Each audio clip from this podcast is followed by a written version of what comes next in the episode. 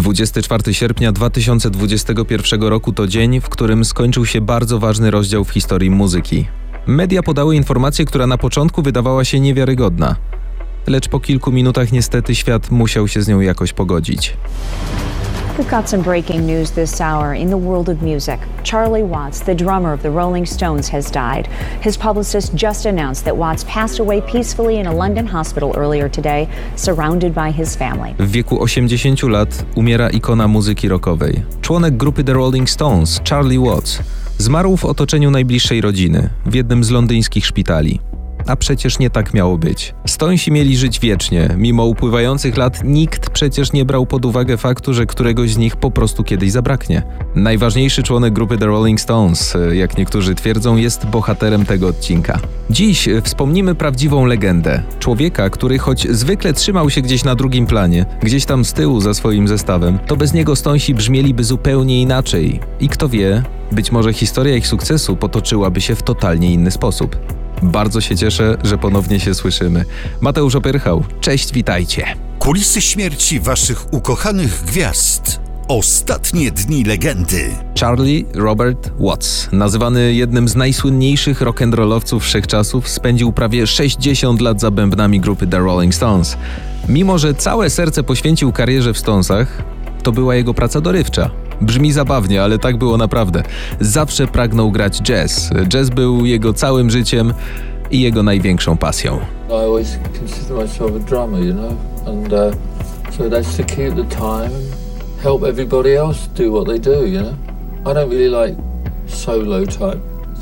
Zawsze uważałem siebie za perkusistę. Utrzymywanie rytmu to coś, co pozwala innym kolegom zespołu skupić się na swojej pracy. Solówki to nie moja bajka. Tak mówił w jednym z wywiadów Charlie. Jego imiennik Charlie Parker, Duke Ellington Miles Davis to byli jego muzyczni idole, a jego gra była inspirowana perkusistami jazzowymi takimi jak Elvin Jones, Roy Haynes i Philly Joe Jones.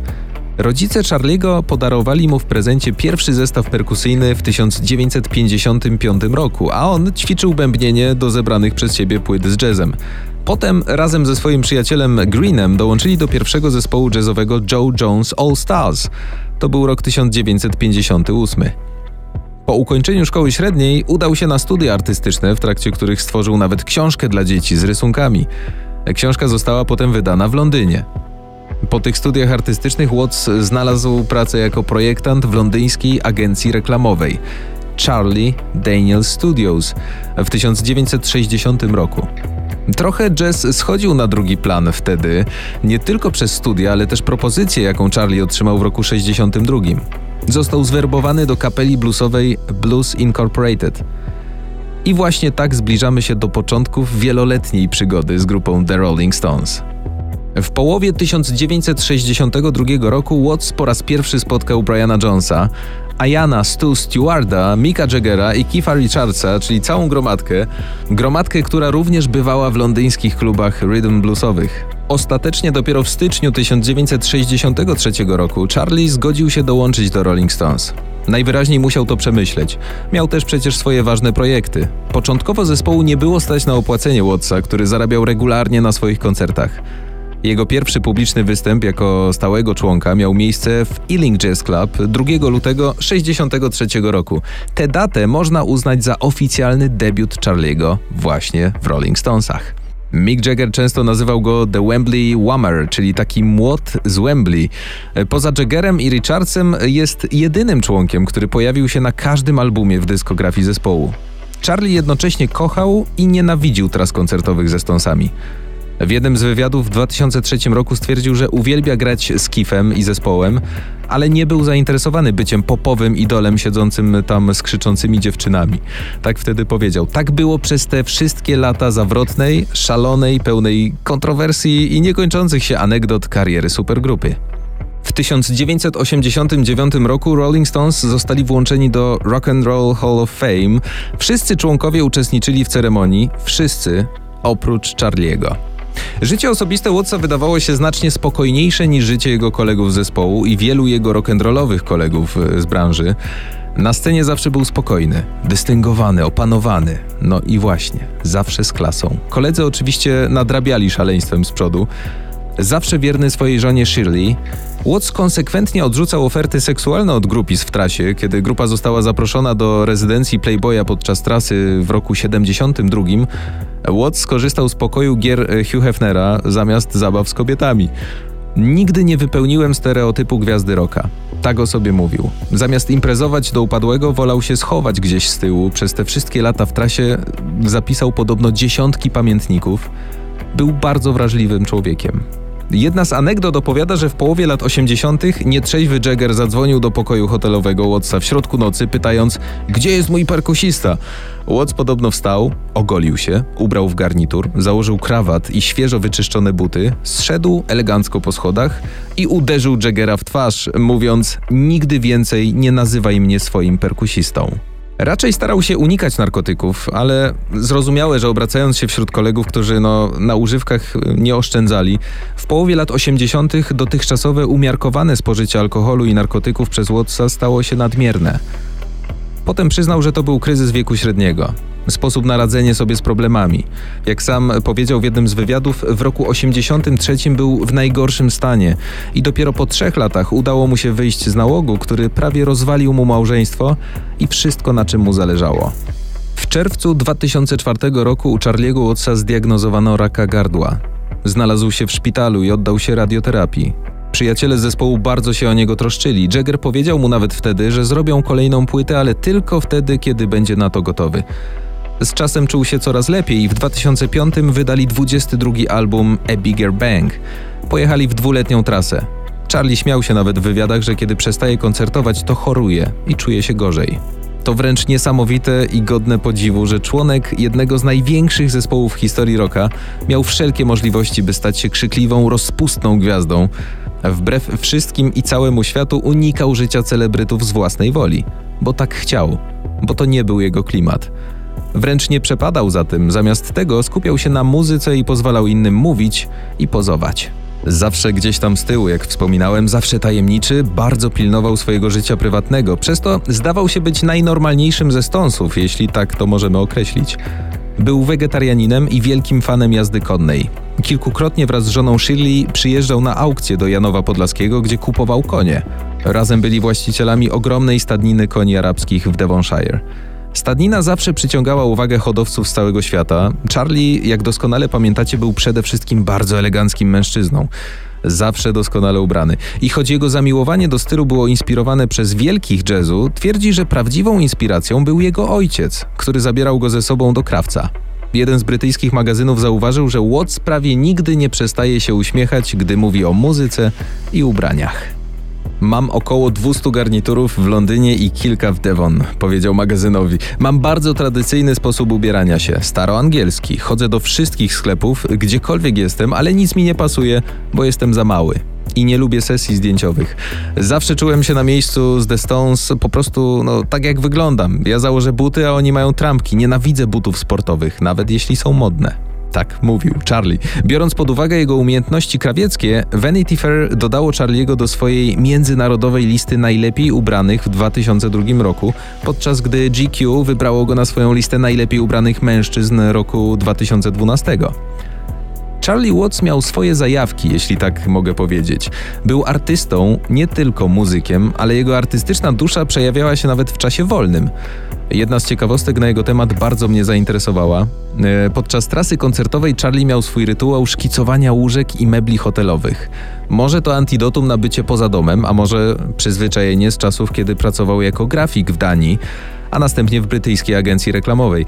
Jego zdolności artystyczne pojawiają się również w scenografiach i okładkach albumów The Rolling Stones. Charlie Watts zmarł 24 sierpnia 2021 roku w jednym z londyńskich szpitali. Trzy tygodnie wcześniej podano, że z powodu nagłej operacji nie weźmie udziału we wrześniowej trasie No Filter po Stanach Zjednoczonych. Podczas rutynowych badań lekarze wykryli u niego schorzenie wymagające właśnie operacji. Zabieg się udał. Później w wywiadach żartował nawet, że musi trochę odpocząć i zrobić sobie przerwę, żeby móc w pełni sił wrócić na scenę. Na godnego następcę za bębtami wyznaczył osobiście swojego przyjaciela Steve'a Jordana. Charlie był ukochanym mężem, ojcem i dziadkiem. Był także członkiem Rolling Stones, jednym z najlepszych perkusistów swojego pokolenia. Przeczytaliśmy w oświadczeniu zespołu, które opublikowano w dniu jego śmierci. To był prawdziwy szok dla świata muzyki. Tak jak wspominałem, mam wrażenie, że żadne z nas nigdy nie brało pod uwagę faktu, że takie legendy kiedykolwiek nas opuszczą. Po Charlim pozostała pustka i piękne wspomnienia. Gwiazdy na całym świecie publikowały wzruszające wpisy w sieci, upamiętniające wielkiego muzyka i wspaniałego człowieka. Najbardziej ich chwytały za serce wypowiedzi tych, którzy byli z Charlim bardzo blisko. So sad to hear about Charlie Watts, the Stones drummer, dying. Um, he was a lovely guy, and um, I, I knew he was ill, but I didn't know uh, he was this ill. So, uh, lots of love to his family, um, his wife and kids, and his extended family, and uh, condolences to the Stones. It's a huge blow to them because Charlie was a rock um, and a fantastic drummer, steady as a rock. Anyway, so love, love you, Charlie. I always loved you, beautiful man, and great condolences and sympathies to his family. To bardzo smutne słyszeć o śmierci Charliego. Wiedziałem, że był chory, ale nie wiedziałem, że aż tak. Moje kondolencje dla rodziny i dla Stonesów. Charlie był prawdziwym rockowcem i fantastycznym perkusistą. Kocham cię, Charlie, zawsze cię kochałem. Byłeś wspaniałym człowiekiem. Jeszcze raz moje kondolencje dla jego rodziny. Tak wspominał swojego przyjaciela Paul McCartney. 26 września 2021 roku Stonesi zagrali pierwszy od 59 lat koncert bez swojego przyjaciela na scenie. W St. Louis rozpoczęli trasę No Filter. Już od pierwszych sekund na scenie Mick Jagger nie potrafił ukryć wzruszenia i pustki, z jaką Charlie zostawił przyjaciół. This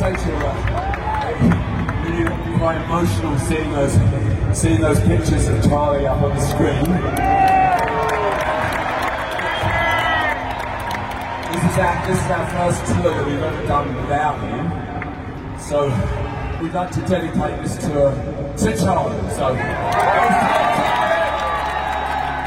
Tę trasę dedykujemy Charliemu, powiedział ze sceny Mick Jagger. O to, jaką moc mają Stonsi i jacy są z bliska, warto zapytać kogoś, kto miał okazję doświadczyć takich bliskich spotkań z nimi.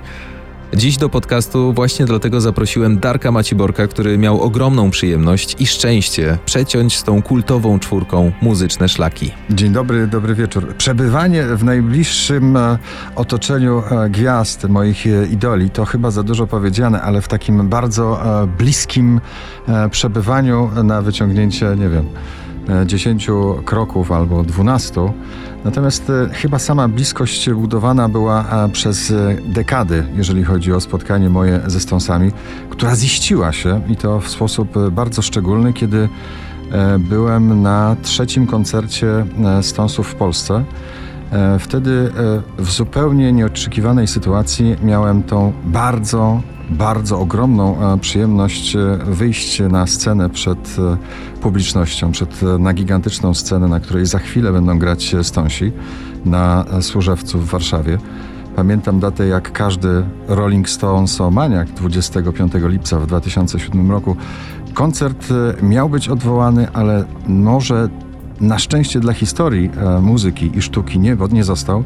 Przypominamy, że wtedy w Polsce obowiązywała ogłoszona żałoba narodowa ze względu na mm, śmierć ofiary katastrofy e, autobusu we Francji.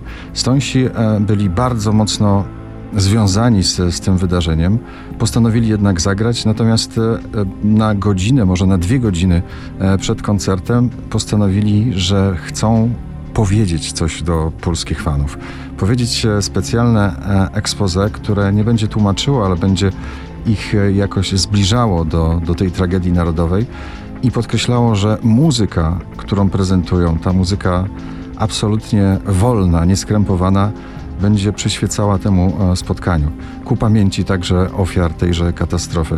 Zostałem poproszony przez menadżera Stonesów, pamiętam jak dzisiaj w małej kanciap, kanciapce wielki e, tour manager w, w kowbojskim wielkim e, kapeluszu powiedział, no to jest chyba twój szczęśliwy dzień. I chyba to był mój naprawdę szczęśliwy dzień, bo e, wyrażałem opinie i myśli Stonesów na pół godziny przed koncertem, E, zapraszając wszystkich do minuty ciszy, którą chcą razem z tłumem, z tysiącami e, odbiorców przeżyć Stonsi, którzy czekali na swój występ w garderobie. To było e, magiczne przeżycie, mało powiedziane. To, to było coś, co naprawdę do tej pory, jak wspominam, to wspominam ducha rock'n'rolla prawdziwego. Oni się z z tym dzielili. Same przygotowania do koncertu, cały sztab ludzi krążący wokół największej do tej pory rock'n'rollowej machiny świata jest e, pięknie, fantastyczny. Szkoda, że tak odległy dla normalnego widza. Ja stojąc po drugiej scenie mogłem chodzić w pobliżu e, i garderób, i w pobliżu chyba serca rokowego e, uderzenia Stonesów, bowiem e, na backstage'u, gdzieś tam na drugim piętrze pod, pod powierzchnią głównego floru koncertowego było takie małe pomieszczenie, w którym ktoś stroił gitary. I to były 42 gitary. Keitha Richardsa, który miał każdą gitarę przystrojoną na każde nagranie. One po prostu się potem zmieniały. Jak zawsze, jeżeli wspominamy Charlie'ego Wattsa, to mogę powiedzieć, że to był duch Stonesów, był metronomem e, rock'n'rolla w tej grupie. Jak się potem okazało, był metronomem świata, jeżeli chodzi o tworzenie jego bardzo takiego tradycyjnego podejścia do rock'n'rolla, a wiadomo, że rock'n'roll to nic innego jak rytm blues. Jeżeli możemy mówić o tym, jaką wielką stratą jest odejście Charlie'ego to musimy pamiętać, że on z nami jest, bo duch rock'n'rolla, czyli metronom świata w muzyce Stonesów, ciągle pozostaje. Koniecznie e, mogę się też pochwalić, że ostatni koncert Stonesów e, już e, w erze najbliższej, czyli w 2018 roku, i to był koncert na Stadionie Narodowym w lipcu. Kolejny e, dzień, który zapisze się w mojej historii przebywania w bliskim towarzystwie ze Stonsami, dlatego że miałem tą jedyną, niepowtarzalną okazję e, współprodukować e, największy rock'n'rollowy cyrk e, na świecie. I co jest takim m, mm, dla mnie zderzeniem dwóch światów? Wielkie opanowanie, luz, elegancja Charlie'ego Wattsa i rock'n'rollowy cały zespół, który tak bardzo w charakterach się różnią, a na scenie tworzą piękne jedno. I ta jedność chyba z muzyką i z Charliem, e, którego już nie ma, i z ciągle grającą największą rock'n'rollową machiną świata pozostaje moim najważniejszym wspomnieniem. Legenda za życia, Charlie Watts. Dzięki niemu rockowe serce kultowej grupy przez lata biło w idealnym rytmie. Wróćcie dziś do płyt Stonesów i wspomnijcie tego eleganckiego pana, który zawsze szeroko uśmiechał się do fanów za swoich bębnów.